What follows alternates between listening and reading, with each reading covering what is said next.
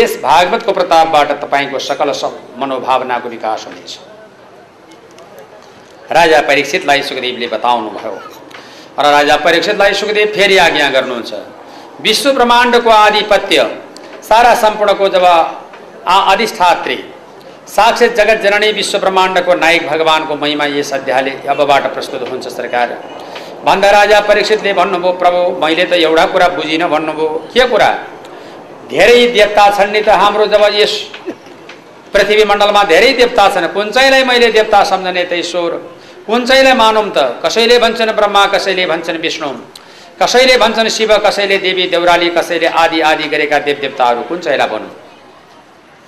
भनेर सोद्धा धन्दा नमान्नुहोस् महाराज परीक्षित यहाँ धेरै देवता भए तापनि विभागीय हाकिम जस्ता हुन् अहिलेका क्या? अहिलेका विभागका हाकिम जस्ता अहिलेका देवताहरू छन्। एक एक विभागको एक एक अधिकार छ जस्तै ब्रह्मालाई सृष्टिको अधिकार विष्णुलाई पालनको अधिकार शिवजीलाई संहारको अधिकार साक्षात जगत जननी भगवतीलाई ऐश्वर्य वृत्तिको अधिकार लक्ष्मीलाई र महा सरस्वतीलाई विद्याको अधिकार अनि रूपको गन्धर्वलाई अधिकार गानाको गन्धर्वलाई अधिकार रूपको अवसरलाई अधिकार। र अनि त्यसदेखि पछाडिबाट दाम्पत्य जीवन मिलेर बस्न पर्यो भनेदेखि शिवजीलाई अधिकार। विद्या विनोदमा पनि भगवान् शङ्करको अधिकार। यसै कारणले सारा ठाउँमा जतिसुकै जो जेस विघ्नहर्ताका लागि गणेश भगवान्को अधिकार। ल महाराज सबैमा भए तापनि अन्ततो गत्वा के भनिन्छ भनेदेखि सबैलाई छोडेर भगवान् नारायण वासुदेव प्रभु परमात्मा अकामो सर्वकामो वा मोक्षे कामो धारदे सबै प्रकारको कामना सिद्ध गर्नु वा एक मात्रै कामना सिद्ध गर्नका लागि भगवान् नारायण वासुदेव को भजन गर्नु कहिल्यै नटुटाउनु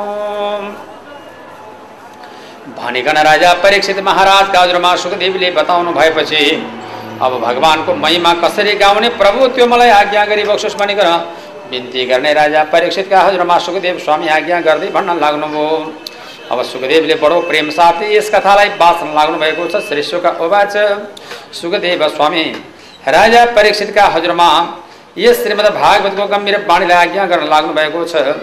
कस्तो प्रकारले भनेदेखि नमो नमस्ते। न शीर्षको वाचमा नमो परस्मै। पुरुषाय भूयसे सदुदवस्थान निरोध लीलया। गृहीत शक्ति तृतयाय देनम मन्त्र भवाय लक्ष्य प्रत्मने। यो यस्तो छ भागवत। सुखदेव स्वामीले बिन्ती गर्नुभएको छ। जसको नाम सङ्कीर्तनको प्रभावबाट जीवन जगतको अध्ययन हुन् भइकन परमात्मामा गएर ल्यान हुन्छ यस्ता परमेश्वरलाई बारम्बार कल्याणकारीलाई मेरो नम।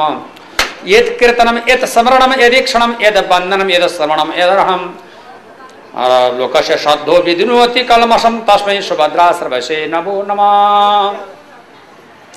जसको कीर्तन गर्नाले जसको भजन गर्नाले जसको चिन्तन र मनन गर्नाले यस र परलोकको सुधार हुन्छ। यस्ता पर ब्रह्म परमेश्वरलाई बारम्बार मेरो नमस्कार। किरात हुडान्द्र पुलिन्द पुलकसा आविर कङ्का यवना खसादय निश पाप यदुपाश्रयाश्रय शुद्धन्ति तस्मै प्रभ विष्णवे नम। किरात भए हुडान्द्र भए पुलिन्द भए पुलकसा आविर कङ्क यवन खसादी।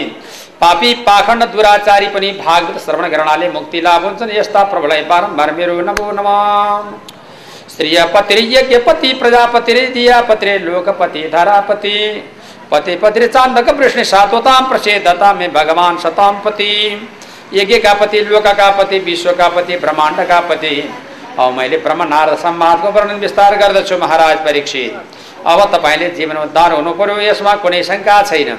भगवान्को नाम सङ्कीर्तनमा तपाईँ तत्वचित्त रहनुहोस् भनेर राजा परीक्षित परीक्षितको आत्मालाई सन्तुष्ट गर्नका लागि बडो भावुक कथाले प्रकरण व्याख्या गर्दै हुनुहुन्छ भन्ने सम्मको कथा हे सद्यबाट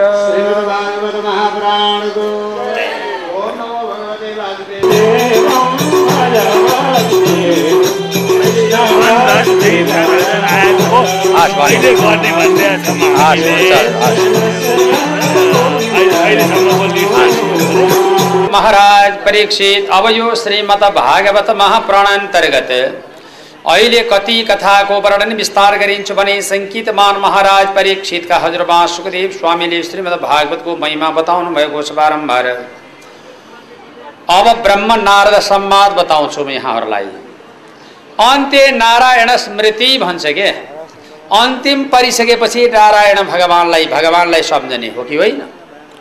अहिलेसम्म आपत्ति पर्दा कसलाई सम्झनुहुन्छ? काँडो बिज्यो भने कसलाई के भन्ने गरिरहेछ? अय्या आमा अय्या बा अय्या भगवान्। यही हो कि होइन? डे म ठग्यो भने अय्या नि आमा हो भन्ने हो कि होइन? अय्या नि बा हो भन्ने। अनि अय्या भगवान् यो तिनदेखि बाहेक अन्त चित्त जाँदैन त्यो दुखिया बेलामा सङ्कटका घडीमा सम्झने आमा बाबा र भगवान्।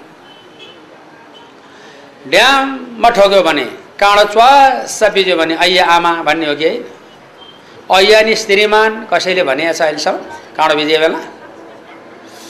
ड्याम ठोकिया बेला अय्या नि हाम्रो घरकी बुढी कसैले भने होला? मलाई चाहिँ थाहा छैन। यसै कारणले गर्दाखेरिमा अन्त्य नारायण स्मृति अन्त्यमा भन्नेवाला तिन कुरा भगवान् आमा र बा त्यसै कारणबाट यो अब तिनवटा कुरालाई कहिल्यै नबिर्सनु आफ्नो आमा बाबा अनि आफ्नो जब भगवान्लाई। अन्त्य नारायण स्मृति परमात्माको भजन गर्नु कहिल्यै नभुल्नु। र प्रभुको प्रार्थना कुन तरिकाले गर्नु? कसरी प्रभुमाथि श्रद्धा र सद्भाव गर्नु?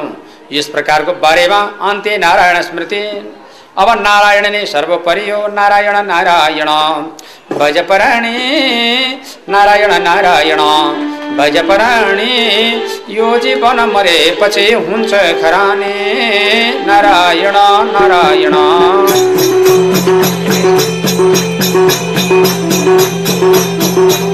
हे नारायण नारायण भजपराणी यो जीवन घरा नारायणा नारायणा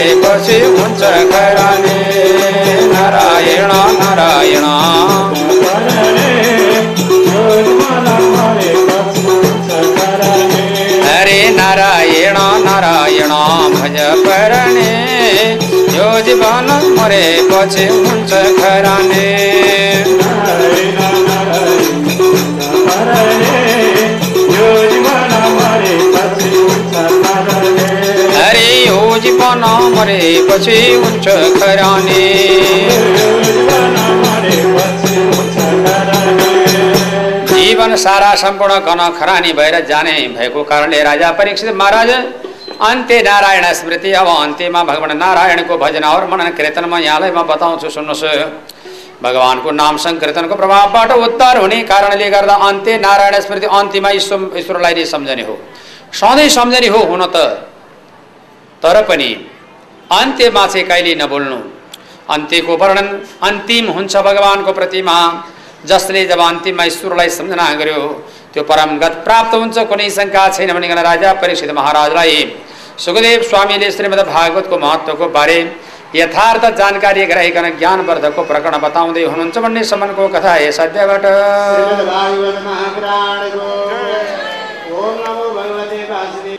चार जात छत्तिस वर्णको फुलबारी भने के पृथ्वीनारायण शाहले पनि आज्ञा भएको छ हुकुम भएको छ गरे र चार जात भनेको जब यस किसिमबाट ब्राह्मण क्षत्रिय वैश्य शूद्र भनेर ब्राह्मणस्य मुखमासित बाहु राजन्य कृत भनेर भनेको छ।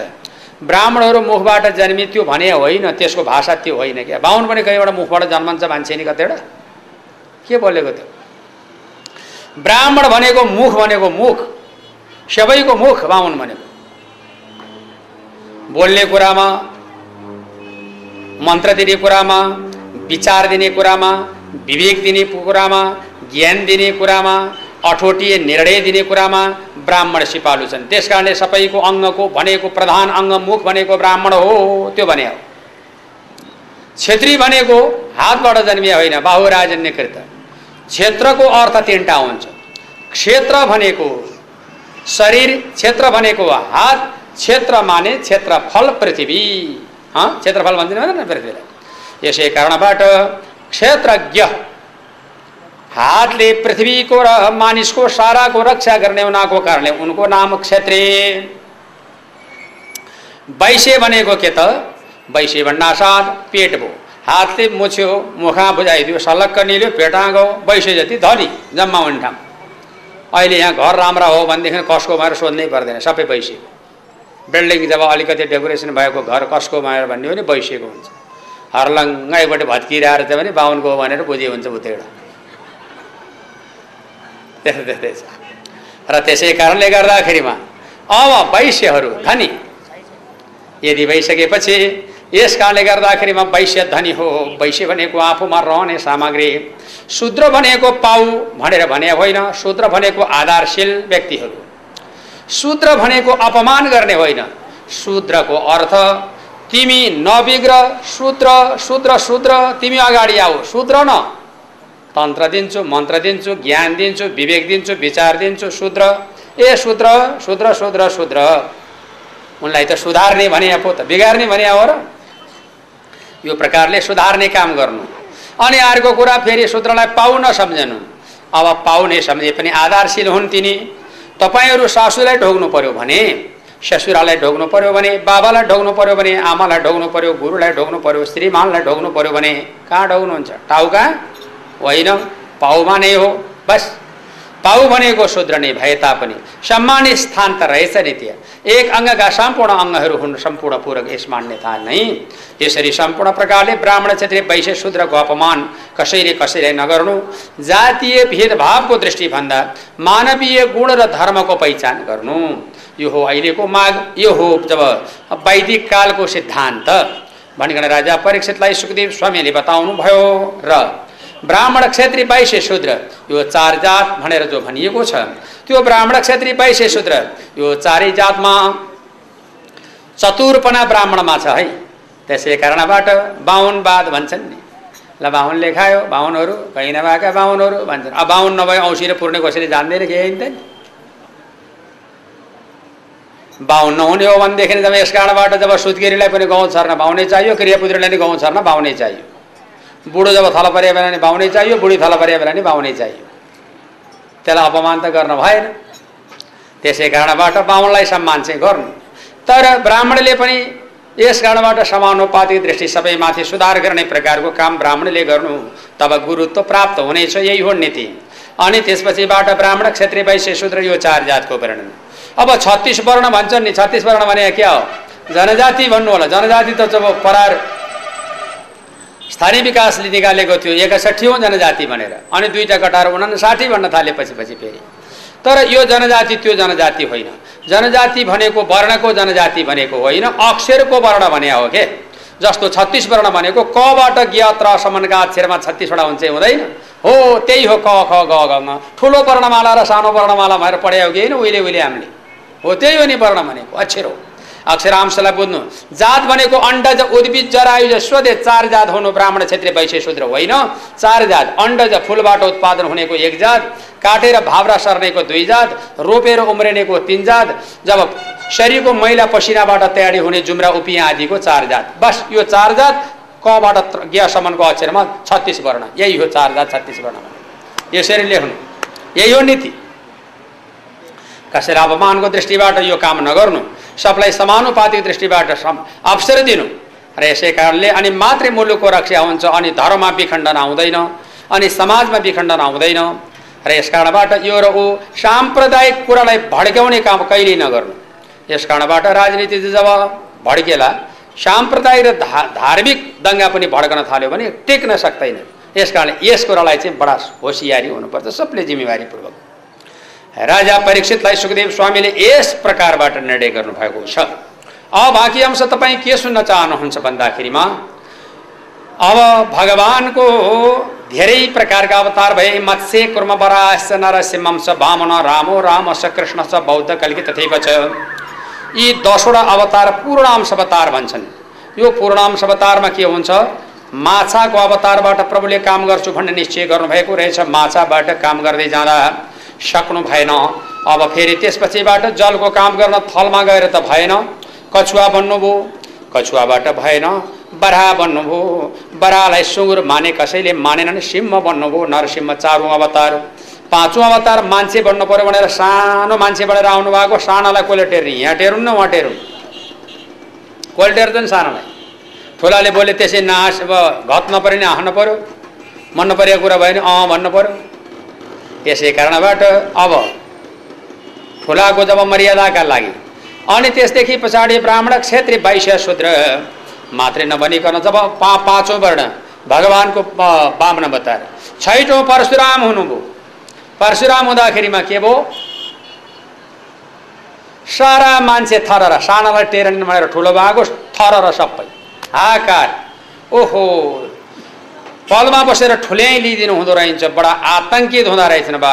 भो अब आफै राजा भएर देशलाई समाजलाई अग्र एकदम जब एउटा उत्तम गतिमा लैजान्छु भन्ने विचार राखेर रामचन्द्र राम राजा भएर आउनुभएको थियो। सबैले मान्छन् भने त धोबीले कुरा काटिरहेको चाहिँ गाउँमा।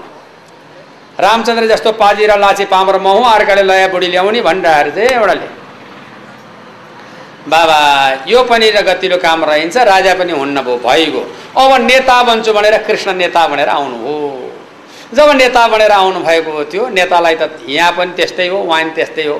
कृष्णलाई कहीँ तुलो चियाएका छन् कहीँ डडेलामा पारेका छन् यहीँका यमुस जस्तै हो वान। यसै कारणबाट आउलान् भनेका छन् डडेलो थापिया छन् कहीँ।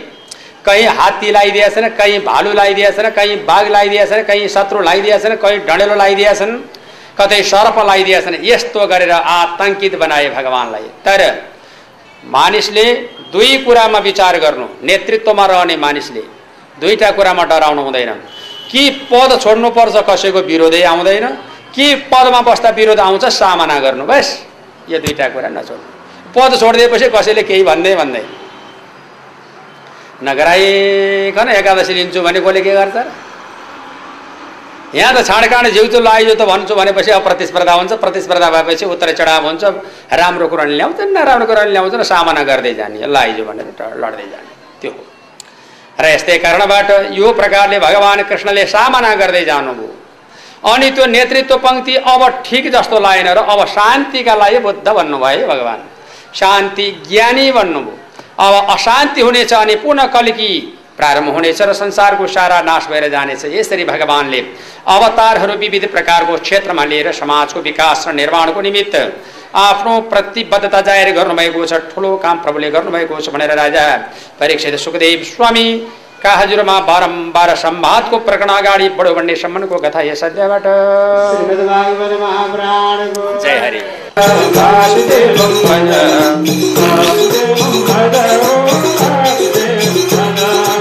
भज वासुदेवं भज भज वासुदेवं भज वासुदेवं भज वासुदेवं भज वासुदेवं कृष्ण वासुदेवाय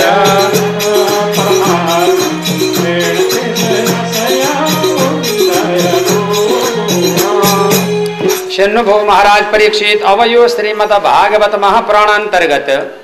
राजा परीक्षितलाई सुखदेव स्वामीले यस कथाले सम्बोधन गर्दै लानुभएको छ अब भगवान् हरि परमात्माको महिमाको वर्णन। राजा परीक्षितले धेरै प्रश्न गर्नुभएको छ यस अध्यायले। प्रभु म एउटा कुरा सोधौँ भाइ सात दिनमा मर्ने अगतिमा पर्ने नरको बास हुने यो मैले थाहा पाएँ। अब मेरो उत्तम गति त हुनेवाला छैन भन्दा होइन राजा नआत्यो। यो सात दिनको मितिमा तिमीलाई पवित्र बनाइदिन्छु। अमर आत्माको अनुकम्पा तिमीलाई प्रदान गराउँछु। सुन्यौ न। तर राम्रोसँग ध्यान गरेर जाऊ न। कति आत्तिएको भनेर राजा परीक्षितलाई सुखदेवले बताउनु भयो। अब राजा परीक्षित भन्नुहुन्छ अब त्यस्तो छोटो प्रश्न गर्नु भएको छ बर। म मरेपछि मेरो छोराले राज्य केरी गर्छ भन्नुभयो आफू मरेपछि जेसुकै गरोस् के चाहिएको छ त्यो? कोही कोही भन्छन् नि मेरा जब छोरा छैनन् मरेपछि अब मेरो घर जब सारा ढोका लाग्ने भयो। ढोका लाउने कि उगाउनु आफू मरेपछि जेसुकै गर्यो के चाहियो? धुरी छेडेर बस्नु कि धुवा निक्लिने पलसम्म थोनु के चाहिएछ त्यो म मर्ने भएँ म मरिसकेपछि मेरा छोरा छैनन् लाउन नि ढोका लाग्ने भयो अरे अब दस भाइ छोरा बाह्र भाइ छोरा रहेछन् भने पनि लाइट बाल्दै आउने होइन यहाँ। के चाहिएछ त्यो आफू गइसकेपछि के चाहिएछ त्यो जोसुकै जहाँसुकै जाउँ यस कारणबाट जब राजा परिषदले साह्रै हातिनु भयो लौ त मेरो भगवान् दयाको सागर हजुरलाई बारम्बार म कोटे प्रणाम गर्छु। चिन्तन गर्छु मनन गर्छु आत्माको शान्ति गराउनु पर्यो जीवन जगत अध्ययन गराइदिनु पर्यो। र यो संसार कस्तो हो? यसबाट कति प्रकारको जनहरूको मृत्यु र घडी र जब भएको थाहा पाइन्छ पाइँदैन। प्राण कहाँसम्मको वायु हो?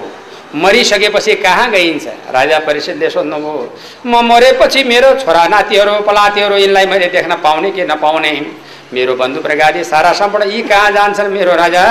भगवान्लाई कहाँनिर सम्झने भनेर राजा परिषदले बडो गम्भीर बाणीमा आज्ञा गर्नुभयो हरे हरि भन न हरि भन न छैनन् हरि भनमा भित्रे मनमा।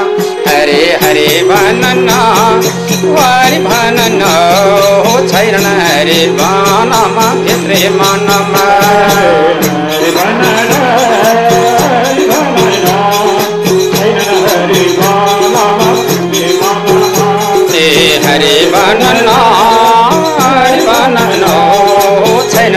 हरि भनमा भित्रे मनमा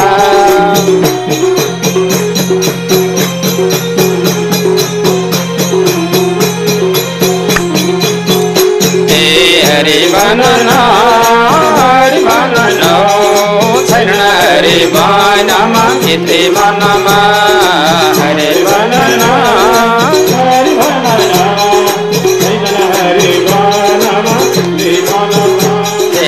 हरे भनन हरि भनन छैनन् हरि भनमा भित्रे मनमा हे हरि भनन हरि भनन छैनन् हरि भनम चतुश्लोक भागवतको वर्णन राजा परीक्षितका प्रतिमा सुखदेव स्वामी आज्ञा गर्नुहुन्छ सुन्नुभयो महाराज परीक्षित। अब चार श्लोक भागवतको आधारमा जुन सृष्टिको प्रकरण तयारी भएको छ। अब यो चार श्लोक भागवतको वर्णन विस्तार यहाँहरू समक्षमा प्रस्तुत गर्दछु सुन्नुहोस् श्री भगवान परब्रह्म परमात्मा आज्ञा गरिबक्सन्छ श्री भगवान वाच भगवानले आज्ञा गर्नुभयो यो चार श्लोक भागवतको सारा सम्पूर्ण संक्षिप्त विवरण राजा परिषदलाई जो चार श्लोक भागवत जुन व्याख्या गरिएको छ भाव ग ब त यो चार श्लोक अक्षरको चारवटा श्लोक तयारी छ। त्यो चारवटा श्लोकको लागिमा प्रमाण गरिएको छ। भगवानले ब्रह्माजीलाई जुन कुरा निर्दिष्ट गर्नुभयो भगवान् नारायणबाट जुन कुराको निश्चित गराउनु भएको छ त्यही प्रकारको प्रकरणलाई यहाँलाई म बताउँछु। अब भागवतको जुन प्रकारको वर्णनले हामी ज्ञानी बन्नेछौँ परब्रह्मा गएर चित्त लाग्नेछ ईश्वरमा गएर लेन हुनेछ ओम ज्ञानम परम गुह्यम मे यदि विज्ञान समन्वितम। सरहम च तदङ्गम च गृहाणम गदितम मया। ज्ञान दुई किसिमको हुन्छ है।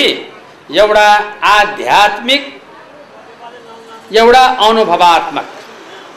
दुई प्रकारको ज्ञान हुन्छ। एउटा शास्त्रोक्त ज्ञान एउटा अनुभवात्मक ज्ञान। यही भन्छ भागवत। शास्त्रोक्त ज्ञान भनेको यो गर्न हुन्छ त यो गर्न हुन्न। यो गर्नेले यो अपराध यो गर्नेले यो फाइदा यो कुरा भयो शास्त्रको ज्ञान। अर्कोको जब के भयो? अनुभवात्मक ज्ञान। अनुभवात्मक ज्ञान भनेको ए यो पानी जललाई छोएर चिसो अब तताइदिएमा तातो अब खाने कुराको अमिलो खाए अमिलो टर्रो तितो पिरो चिल्लो गुलियो आदि आदि यी अनुभवात्मक ज्ञान भयो यस्ता कारणले यी ज्ञानमध्येमा सारा सम्पूर्ण ज्ञान परम गुह्यम्य यदि विज्ञान समन्वितम सरहम च तदङ्गम च गृहाणम गदितम मया। यस कारणले यो ज्ञानको वर्ण वर्णन। यवा नवेथा भाव एत रूप गुणकर्मका तथैव तत्त्वविज्ञान मस्तुमे मदनुग्रहात्। अब यस प्रकारबाट निर्णय गरिएको छ। कुनै पनि वस्तु भगवान्सँग निहित नभएको हुन सक्दैन भगवान्सँग मिलन नभएको हुन सक्दैन। जस्तो प्रकारबाट ईश्वरसँग मिलन नभएको व्यक्ति वस्तु कुनै विश्वमा हुन सक्दैन। धुलाका कणकणमा ढुङ्गाका चोइटा चोइटामा र रुखका बोक्रा बोक्रामा प्रभुको बसोबास छ। यस कारणले गर्दा नै अब तिनीहरू पनि सम्मानित छन् पूजित छन्। तिनीहरू पनि वृक्ष पूजनी पूजनी पूजनीय छन् ढुङ्गा पूजनीय छन् मृतिका पूजनीय छन् यस कारणले सबै ठाउँमा प्रभुको व्यापकता छ। व्यापक नभएको छैन। तर अन्त्यमा ईश्वर कहाँ गएर लय हुन्छ भन्दाखेरिमा? र त्यस प्रकार एवा न अहम एवा सबै बाग्रे नादश मन्तात परम पश्चातम यतम जसले अर्थात् शेष वस्तु ईश्वरमा अहम ममा गएर लय हुन्छ भन्नुहुन्छ भगवान्ले। शेष वस्तु। जो वस्तु छ हामी जब सास गरिराखेका छौँ त्यो सास गएर कहाँ लय लय हुन्छ भन्दा ईश्वरमा गएर लय हुन्छ। परमात्मामा लय हुन्छ। जीवन र जगत ईश्वरमा गएर विलयवाद हुन्छ। यस कारणबाट उनी प्रभुलाई कहिले नबोल्नु आत्मसम्मानको विचार गर्नु विवेक गर्नु र अनि आखिरमा ईश्वर नै भगवान् प्रभुमा गएर लिनुहुने यो प्रकारको निर्णय देह आत्माको सम्मान गर्नुहोस्। किनभने देह र आत्मा छुट्टा छुट्टै देखिन्छ। तर जब आखिरमा आफूमा लय गराएपछि के हुन्छ? चिनी र पानी छुट्टै हुन्छ। तर आखिरमा मिलाएर घोलिदिइसकेपछि देख्दा पानी खाँदा चिनी। बस। यसरी जान्नु है? यही हो चतुश्लोक भागवतले। हामीसँग निश्चित गरेको र निर्णय गरेको यसरी नै ईश्वरलाई जान्नु। तपाईँ मा देख्दाखेरिमा मानिस देखिए तापनि पर ब्रह्ममा तपाईँ आत्मामा ल्यान हुनुहुन्छ। देख्दा पानी पिउँदाखेरिमा चिनी चिनी र पानी घोलेर त्यसरी राखेपछि त्यस्तो हुन्छ। यसैले चतुश्लोक भागवतले यही प्रकारको निर्णय गरेको हुनाले अब तपाईँ सम्मानित भएर भागवत भक्तिमा चित्त परमात्माको प्रार्थना गर्नुहोस् कहिले नबोल्नु। यही हो नीतिगत सिद्ध। भानिकन राजा परीक्षितका परमा सुखदेवले बताउनु भयो अनि भगवान् मैले जान्नुपर्ने प्रकारका कुरा केही छ कि प्रभु भनेर सोध्नुभएको थियो। ल भन सोध भन्दाखेरि जीवन भनेको के हो जगत भनेको के हो यहाँ भनेको के हो उहाँ भनेको के हो काल भनेको के हो राजा परीक्षितले सोधेका। काल भनेको के हो? अब त्यसपछिबाट समुद्र भनेको के हो? नदी नाला केरी तयारी भए। यतिका पानी बहेर गएका गए कहाँ गएर विलय भएको छ? यो आकाश र सातल पातल महापातल कसले धान दिएछ। यहाँ तल को को छन्? माथि को को छन्? सूर्य कहाँ उदाउने अस्ताउने कहाँ? यी सारा कुराको वर्णन सुन्न पाऊँ भनिकन राजा परिषदले अत्यन्त दूरदर्शी विवेकको विवेचनापूर्वक प्रस्ताव राख्नुभएको छ। त्यही कुराको वर्णन राजा परिषदलाई यो द्वितीय स्कन्द समाप्ति गरेर तृतीय स्कन्दपट्टिको ध्यान आकर्षण अब गराउँदै हुनुहुन्छ। यो हामीले बताएको जुन कथाको अहिले कट अब घुँडा पर्यन्त कथा लगेको छु गोलीगाँठा पर्यन्त समाप्ति भयो। प्रथम स्कन्द पाउ दोस्रो कन्द गोलीगाँठा तेस्रो कन्द घुँडा चारौँ कन्द तिग्रा पाँचौँ कन्द जाङ छैटौँ कन्द कट्टी सातौँ कन्द नाभि आठौँ कन्द छाती नवम स्कन्द घाँटी दशम स्कन्द पूर्वार्ध तल्लो ओठ उत्तरार्ध उपल्लो ओठ गरिकन मुख एकादश स्कन्द दुई आँखाको बिच द्वादश स्कन्द तालु भागवत सम्पन्न। यो त विराट विभूति नै हो शरीर। यो जब भागवत त यो विराट बनाउने हो। यसरी बुझ्नु है त? ल अब यहाँहरूलाई जे सुन्ने इच्छा छ भन्दा सृष्टि सम्बन्धी वर्णन सुन्न पाऊँ भनेर महाराज परीक्षित सुखदेवसँग अब बिन्ती चढाउँदै हुनुहुन्छ भन्ने सम्बन्धको कथा यस अध्यायबाट। श्रीमद्भागवत महापुराणको। हरे श्री गणेश सबै मिले गरौँ भजन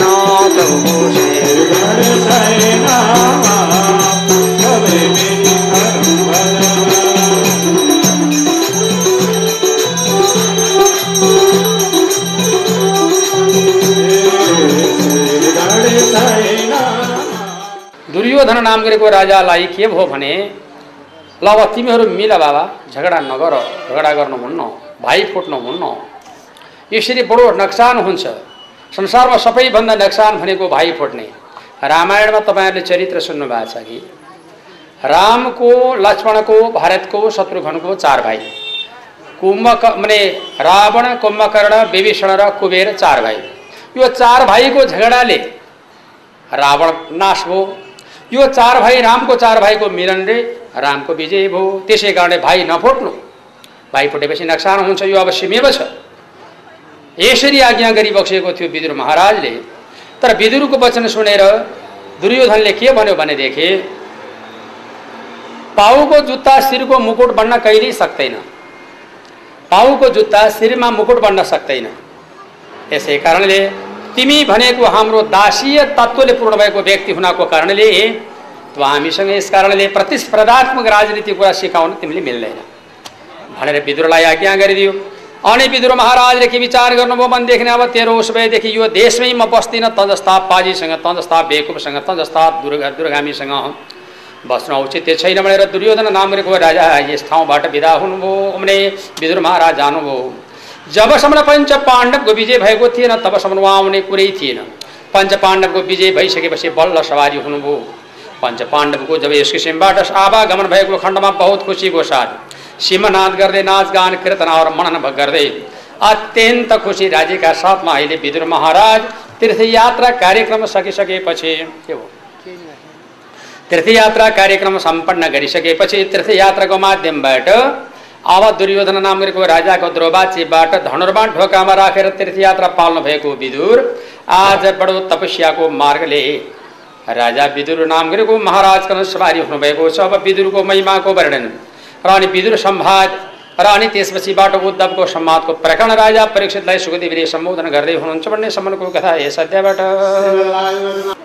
यसै प्रभावले लोक कल्याणको निमित्त हजुरले जुन प्रकारको प्रश्न गरिबक्सेको छ जीवन जगतको अध्ययनको लागि सारा सबै प्रकारको प्रकरणहरू हजुरले बताउँदै आउनुभयो।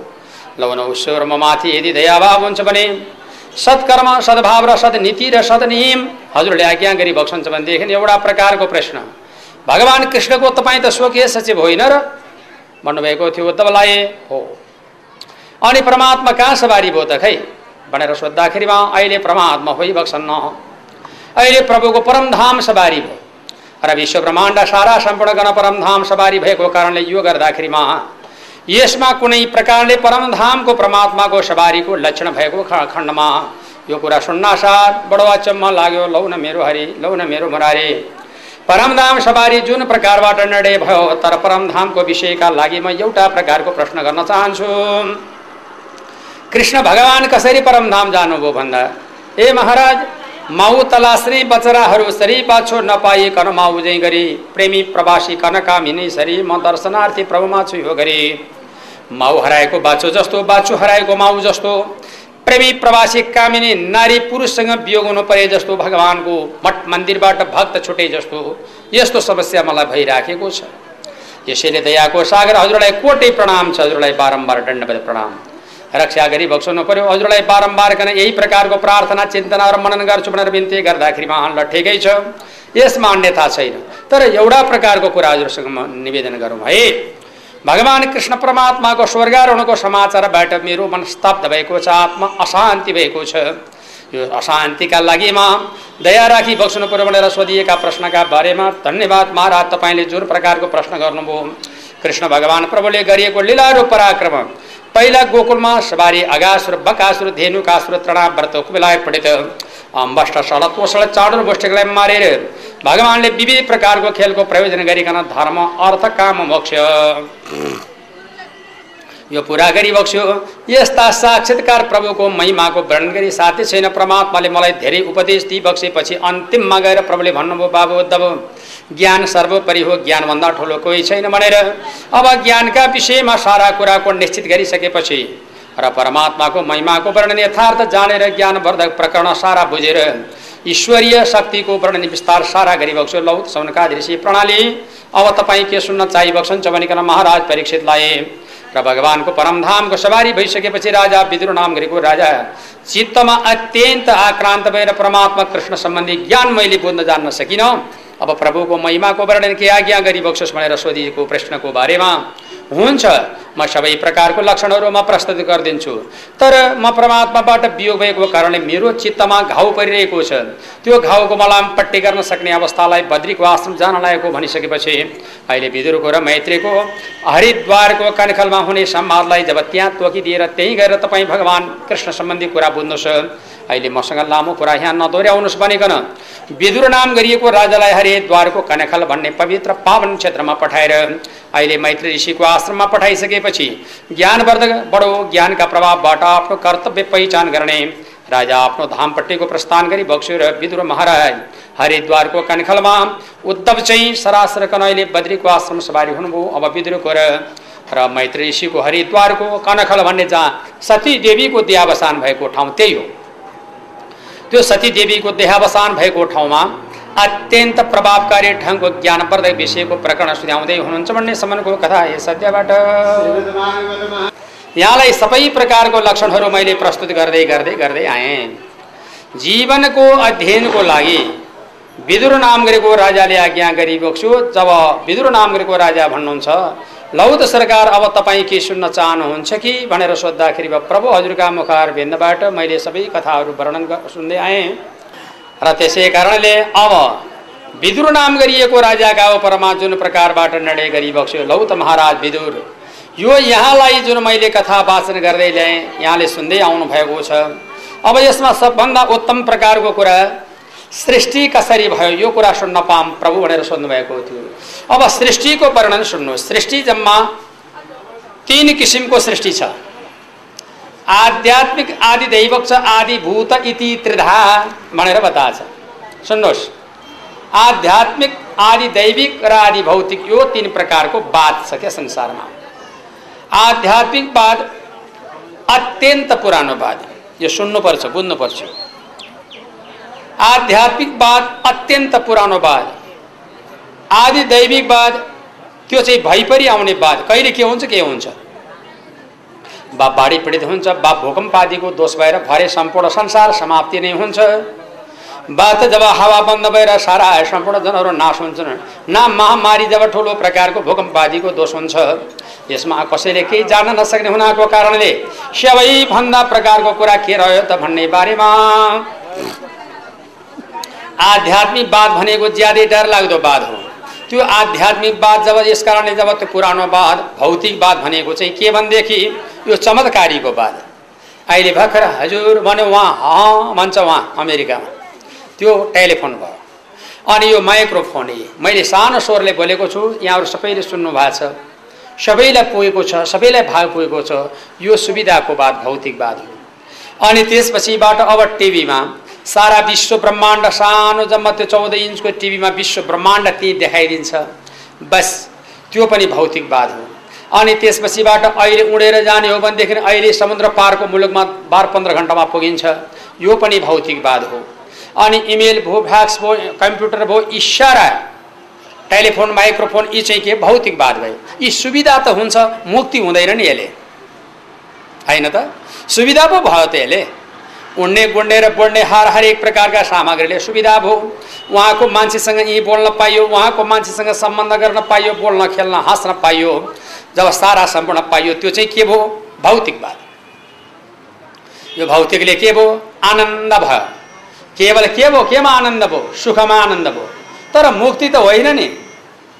मुक्ति बनाउनका लागि मुक्ति प्राप्ति गर्नका लागि के गर्नु पर्यो भन्ने सम्बन्धमा मुक्ति भनेको चाहिँ आध्यात्मिकवाद बिना महाराज मुक्तिवाद हुन सक्दैन मुक्ति मिल्न सक्दैन यसै कारणले मुक्ति भनेको जब यस कारणले सबभन्दा कुरा के हो? मुक्ति भनेको विषयका लागि सोच्दाखेरिमा त्यो चाहिँ शान्तिले मात्रै मुक्ति हुन्छ।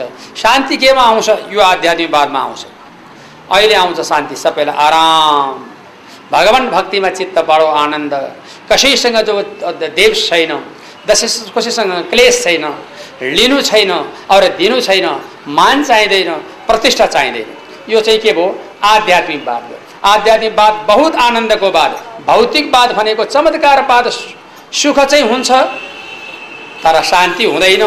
शान्ति पाउनलाई आध्यात्मिकवादै सुन्नुपर्छ। यो आध्यात्मिकवाद बिना जब मान्छे शान्तिमा आउन सक्दैन। भौतिक विकासको चरम चुली भइसकेका मानिसहरू आध्यात्मिकवादमा जब जान्छन्। यस कारणले आध्यात्मिकवाद बिना भौतिक विकास हुन सक्दैन। जस्तो यो जब माइक्रोफोन यो केबाट आएको? भन्दा ऊ त्यो एम्प्लिफायरको आधारमा यो बोल्यो। त्यो एम्प्लिफायरमा जब के जोइन गरेका छ इलेक्ट्रिक इलेक्ट्रिक कहाँबाट आएको? कुलेखानी मर्स्याङ्दीको पानीको प्रभावले। कुलेखानी मर्स्याङ्दीको पानी के हो? आध्यात्मिकवाद उसलाई कसैले झिकिया नि होइन ऊ कहिले बिलाउँदा नि बिलाउँदैन। निरन्तरता आइरहन्छ। त्यो हो आध्यात्मिक। त्यो नभइकन त्यसले फोराले नआनेसम्म त यो इलेक्ट्रिक पनि हुँदैन एम्प्लिफायर पनि हुँदैन यो माइक्रोफोन मात्रै जोडेर पनि हुँदैन। भनेपछि के रहेछ त? आध्यात्मिकवाद भनेको आधारशिला तयारी गर्ने सामग्री त्यसको परिशीलनवादले भौतिक चमत्कार तयारी गर्ने। कच्चा पदार्थ सबै आध्यात्मिकवाद हो। त्यस कारणले आध्यात्मिकवाद बिनाको भौतिकवाद शून्य हुँदो रहेछ भनेर अहिले विदेशीहरू ठुला ठुला ठुला प्रकारका जब मुलुकमा बस्ने धेरै धनाढ्य मुलुकका मानिसहरू पनि त्यही कुरा गर्न लागेका छन्। त्यस कारणबाट शान्तिका लागि आध्यात्मिकवादको अत्यन्त आवश्यकता छ। तपाईँहरू शान्ति लिने कि सुख लिने? ल भन्नुहोस् त। बस शान्ति लिने हो भनेदेखि आध्यात्मिकवाद सुख लिने हो भनेर भनेदेखि जब भौतिकवाद भौतिकवादले सुख भयो। गाडीमा चढ्यो खर्र गयो प्लेनमा चढ्यो सर्र उड्यो। यहाँ बोल्यो बाबु सन्चै छस्?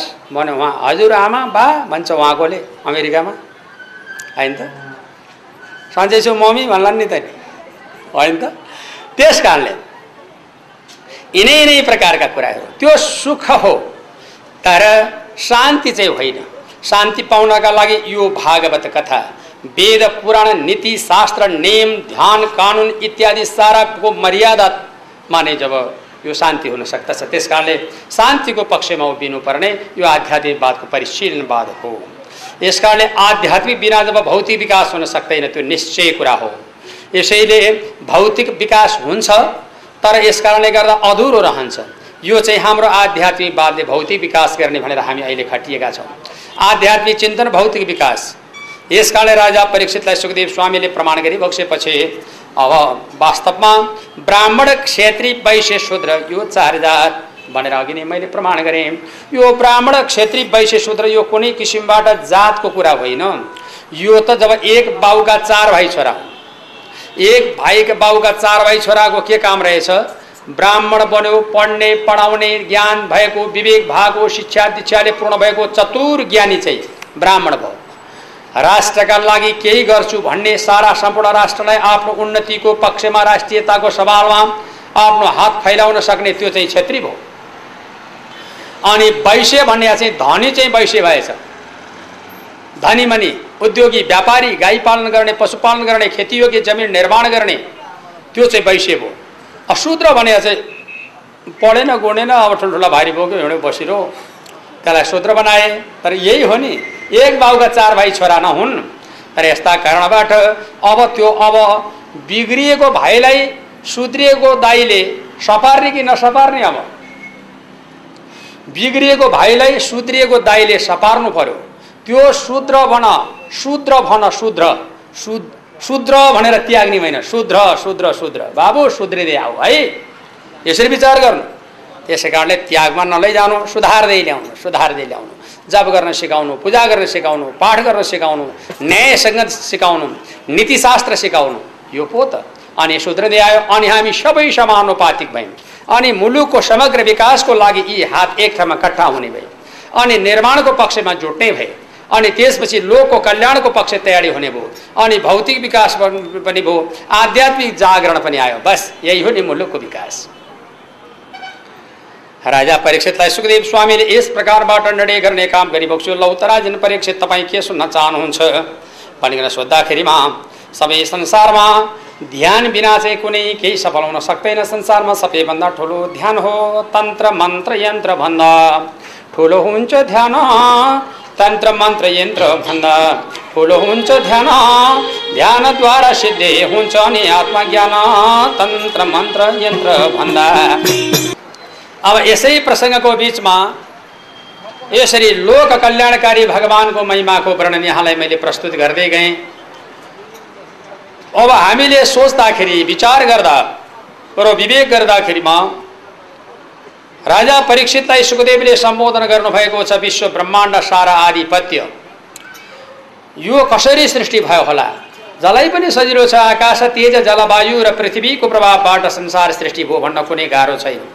तर आकाश तेज जलवायु र पृथ्वीको सृष्टि त भयो। आकाश तेज जलवायु र पृथ्वीको सृष्टि चाहिँ भयो यसमा अन्यथा त होइन नै। तर एउटा प्रकारको समस्या के भयो? आकाश तेज जलवायु र पृथ्वीको सृष्टि त भयो तर त्यो सृष्टि कसरी भयो त पहिला? अहिले पछि पो भयो त भयो होइन? अब यसै कारणले पहिला सृष्टि कसरी भयो भन्ने बारेमा आकाश तेज जलवायु र पृथ्वीको बारेमा आकाश भन्ने शब्द केलाई भन्छ? ख भन्नेलाई आकाश भनिन्छ। ख भनेको सुन्ना सुन्ना भनेको गणना नभएको। यसरी बुझ्नु पर्यो है। ख माने आकाश आकाश भन्ने सुन्न। सुन्ना दुई सय पाँच सयवटा सुन्ना भए पनि के को गणना हुन्छ र गणना नै हुँदैन।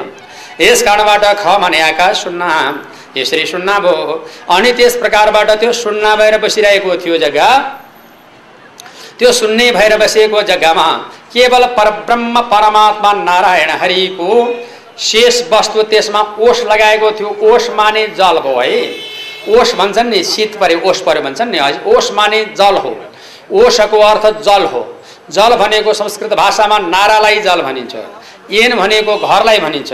नारा रूपी जलमा एन रूपी घर बनाएर बसेको हुनाले उनको नाम नारायण। नारा रूपी जलमा एण रूपी सिरानी लगाएर सुते हुनाले उनको नाम नारायण। यसरी बोल्नु है। नारायण भो। नारायणको नाभिबाट कमल उत्पादन भयो कमलमा गएर ब्रह्माजी इच्छामा फल्नुभयो ब्रह्माजीले अब आफूलाई सृष्टि गर्ने बाबुआमा खै भनेर खोज्दै भन्न लाग्नुभयो ब्रह्म कमलैमा ब्रह्म कमलैमा विष्णु सुते जलैमा ब्रह्म कमलैमा हे ब्रह्म कमलैमा हे ब्रह्म कमलैमा विष्णु सुते जलैमा ब्रह्म कमलैमा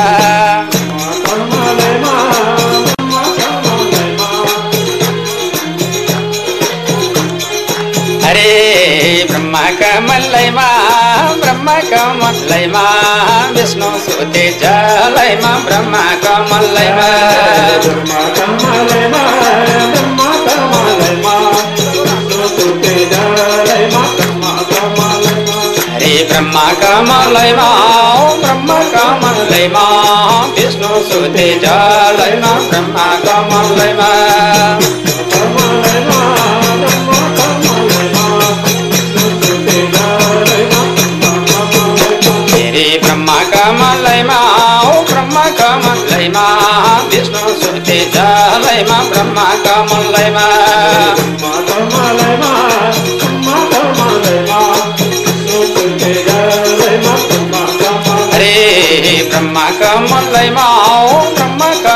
कमलैमा विष्णु सुते जलैमा ब्रह्मा कमलैमा ब्रह्मा कमलैमा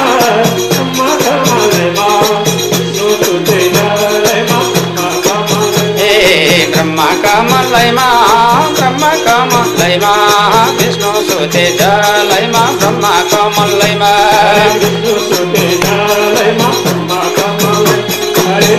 सुते जलैमा ब्रह्मा कमलैमा अब ब्रह्माजी निदाउनु भयो। ब्रह्माजी निदाएको बेलामा अब निदाइदिनेवालाको शक्तिले निदायो। अब शक्ति बिना त संसारमा दुईवटा शक्ति हुन्छ एउटा आवरण एउटा विक्षेप होइन? आवरण माने पर्दा विक्षेप माने खोल्नु। अब शक्ति बिना कोही पनि टेक्नेवाला छैन। निदाइदिने ठुलो कि निदाउने ठुलो? भन्दा निदाइदिने ठुलो हुन्छ होइन र? अब कोही पनि निन्द्रा लगाएपछि जति बलियो भने के लाग्छ। शक्तिले खिच्छ भनेको छ। भगवान्लाई लक्ष्मीले खिच्नु भयो। भयो भयो सुत्नुहोस् बुढा सुत्नुहोस् बुढा अब के लाग्छ भनेको? छोरी मान्छे शक्ति हो। शक्तिको अगाडि पुरुष भनेको कर्ता के लाग्छ? जति जब छाँडकाँड जेगेर कि मरे पनि केही लाग्दैन। के? एकछिन जितिया जस्तो भयो अटेर भएर बहदिएपछि बोलाउनु पऱ्यो उसैलाई। कति नबोलेको त नि अब मिलौँ भन्नु पऱ्यो पऱ्यो। अब के गर्ने? बिगसँग के लाग्छ? एकछिन छाँडकाँड यसलाई यसलाई भन्यो के गर्ने यस कारणले गर्दाखेरिमा यो संसार यस्तै छ? शक्ति भनेको नारी हो। नारी बिना त कुनै वस्तु प्रदान हुन सक्दैन। नारी नै शक्ति हो। अनि ब्रह्माजीले यस कारणबाट महान शक्तिशाली भगवती भन्दा नारायण सुतेको कारणले मधु र कैटवको सङ्कल्प सभाको प्रभावबाट उत्पादन भयो। सङ्कल्प भनेको के हो भने जब एउटा सुन्नुलाई सङ्कल्प भन्छ। सुन्न साथ मधु मधु कैटव कैटव। कुनै जीव होइन तिनीहरू क्या एउटा उत्पादन भएको एउटा विकल्प हो। त विकल्पले आक्रमण गरिसकेपछि अनि मधुर कैट बारम्बार कन अनुरोध युक्त परमात्माको प्रार्थना गर्न लागे ल त यहाँबाट निक्ली हामी यहाँको आधिपत्य हौँ भनेर ब्रह्माजीलाई। अनि ब्रह्माजीले विष्णु भगवान् प्रभुका प्रतिमा गुहार माग्नुभयो श्याम सुन्दर भगवान्। गर्छौँ पुकाएर श्याम सुन्दर भगवान्। गर्छौँ पुकाएर दर्शन देऊ हामीलाई ढिला नगर।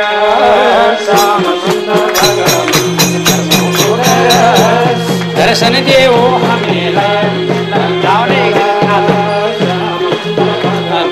गर्छौँ पोकर दर्शन देऊ हामीलाई ढिला नगर। श्याम सुन्दर भगवान्।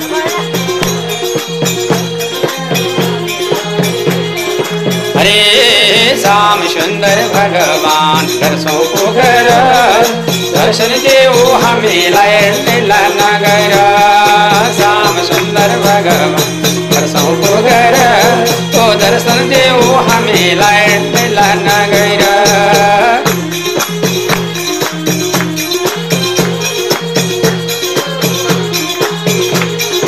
हरे श्याम सुंदर भगवान दर्शो को घर दर्शन देऊ हामीलाई नगर।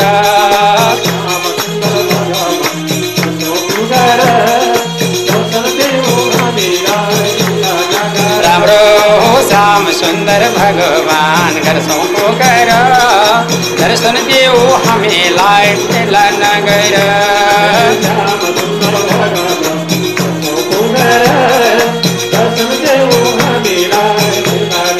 हरे श्याम सुन्दर भगवान गर्छौ पोखर दर्शन देऊ हामीलाई लीला नगर।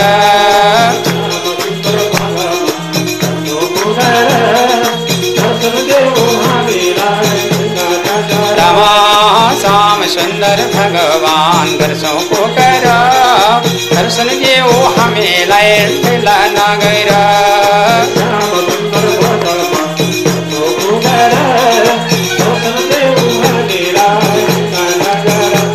राम्रो दर्शन देऊ हामीलाई लीला नगर भगवान् यसरी हामी माथि क्षमा र दर्शन बक्सियोस् प्रभु भनेर ब्रह्माजीले भन्दा ब्रह्माजीले दर्शन दिनु भएन। अनि विष्णुले दर्शन दिनु भएन।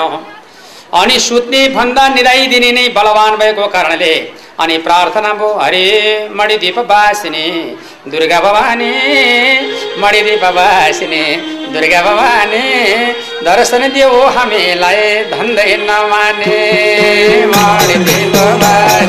दुर्गा भवानी ओ दर्शन देऊ हामीलाई धन्दै नमाने।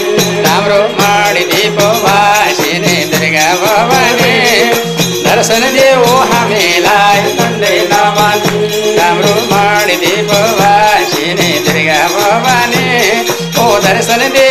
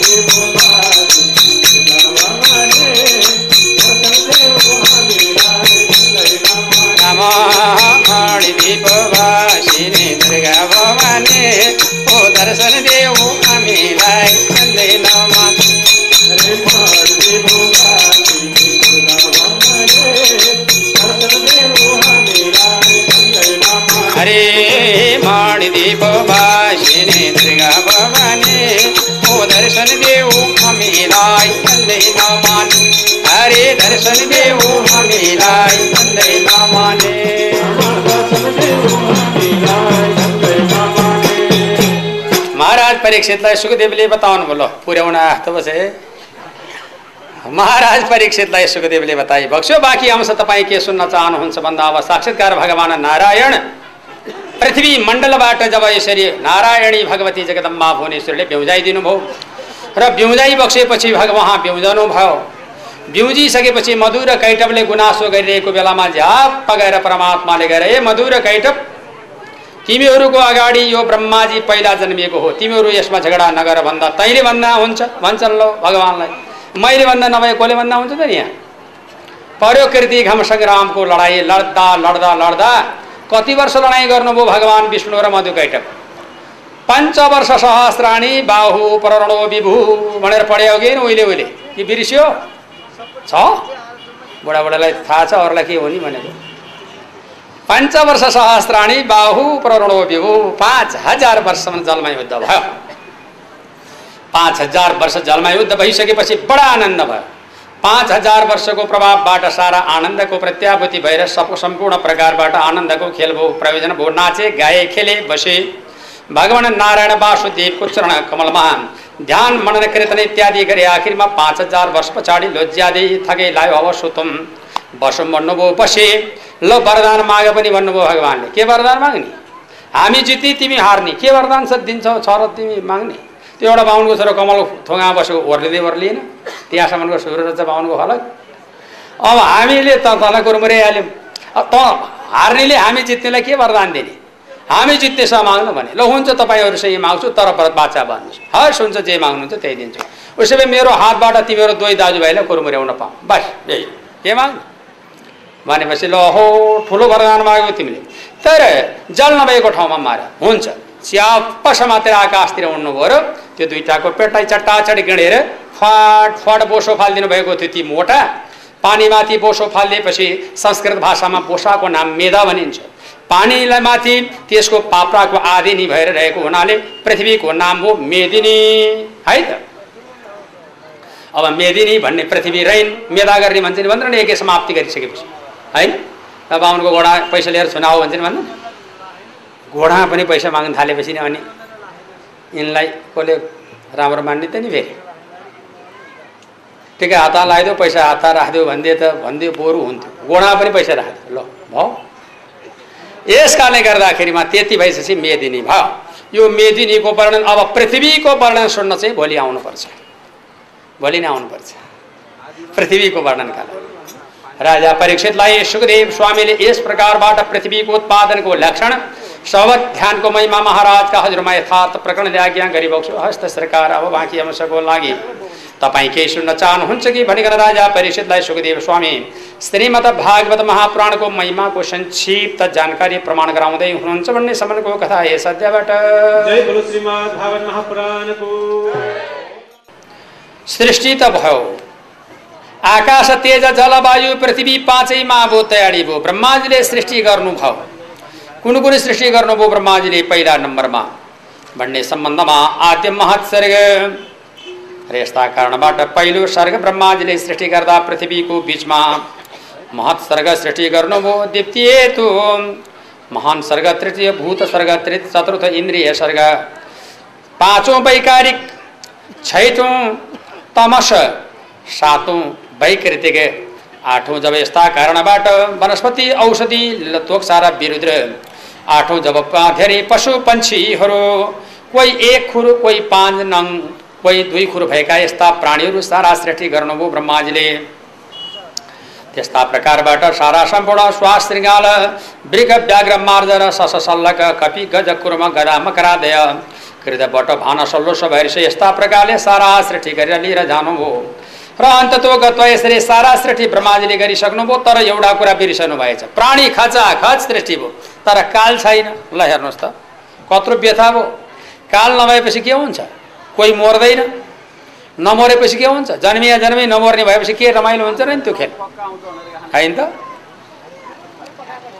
बुद्धिमानीजनले खानुभन्दा पहिला हुर्याउने ठाउँ हेऱ्यो भनेदेखि अनि मात्रै इज्जत रहने हो। जनमन चाहिँ जन्मिएको छ अब फेरि त्यो फाल्ने ठाउँ छैन अब बर्बाद भएन। टना टन सृष्टि भएको छ चिलाउने दाना सबै उम्रिएछ कटुसका दाना सबै उम्रिएछ सालका ताल तमाल सल्लाह रसरा अर्जुन सब उम्ले उम्रिएको छ। टनन नभइसक्यो जब छैन कोही मर्दैन कालै छैन के पाएर मर्नेको? अनि ब्रह्माजीलाई साह्रै समस्या लाग्यो ब्रह्माजीलाई साह्रै कष्ट लाग्यो ब्रह्माजीलाई साह्रै आपत्ति लाग्यो र अनि ब्रह्माजीले विचार गरिबक्सियो अब मैले के गरौँ होला के उपाय गर्ने होला? कहीँबाट मेरो उपाय छैन म कहाँ जाउँ कसो गरौँ भनेर ब्रह्माजी हात दिनुभयो। अनि ब्रह्माजीले शान्तपूर्वक विचारपूर्वक ध्यानपूर्वक मननपूर्वक अनि ब्रह्माजीले के आज्ञा गरिबक्सियो भनेदेखि लौ त मेरो भगवान् मेरो केही उपाय हुन सकेन। अब मेरो केही उपाय नभएको कारणले अब अन्ततो गत्वा मैले यही काम गर्नुपर्छ भन्ने बारेमा अनि ब्रह्माजीले सोच राखेर विचार राखेर न्याय सङ्गतको प्रभावबाट। अनि ब्रह्माजीले यसो विचार गर्नुभयो मेरो केही लागेन मैले एउटा काम गर्नु पर्यो भन्ने अठोट गरेर ब्रह्माजीले साक्षात्कार परब्रह्म परमात्मा जगतका नारायण प्रभुको ध्यान गर्दै हुनुहुन्थ्यो। सूर्य नारायण चट्ट उदाउनु भयो र तिन हात भित्ता पर गएर ठेलियो। सूर्यको प्रकाश सबै ठाउँमा नभएको एक ठाउँमा मात्रै सूर्यको प्रकाश छिर्यो भने के हुन्छ त्यहाँ? फर्रक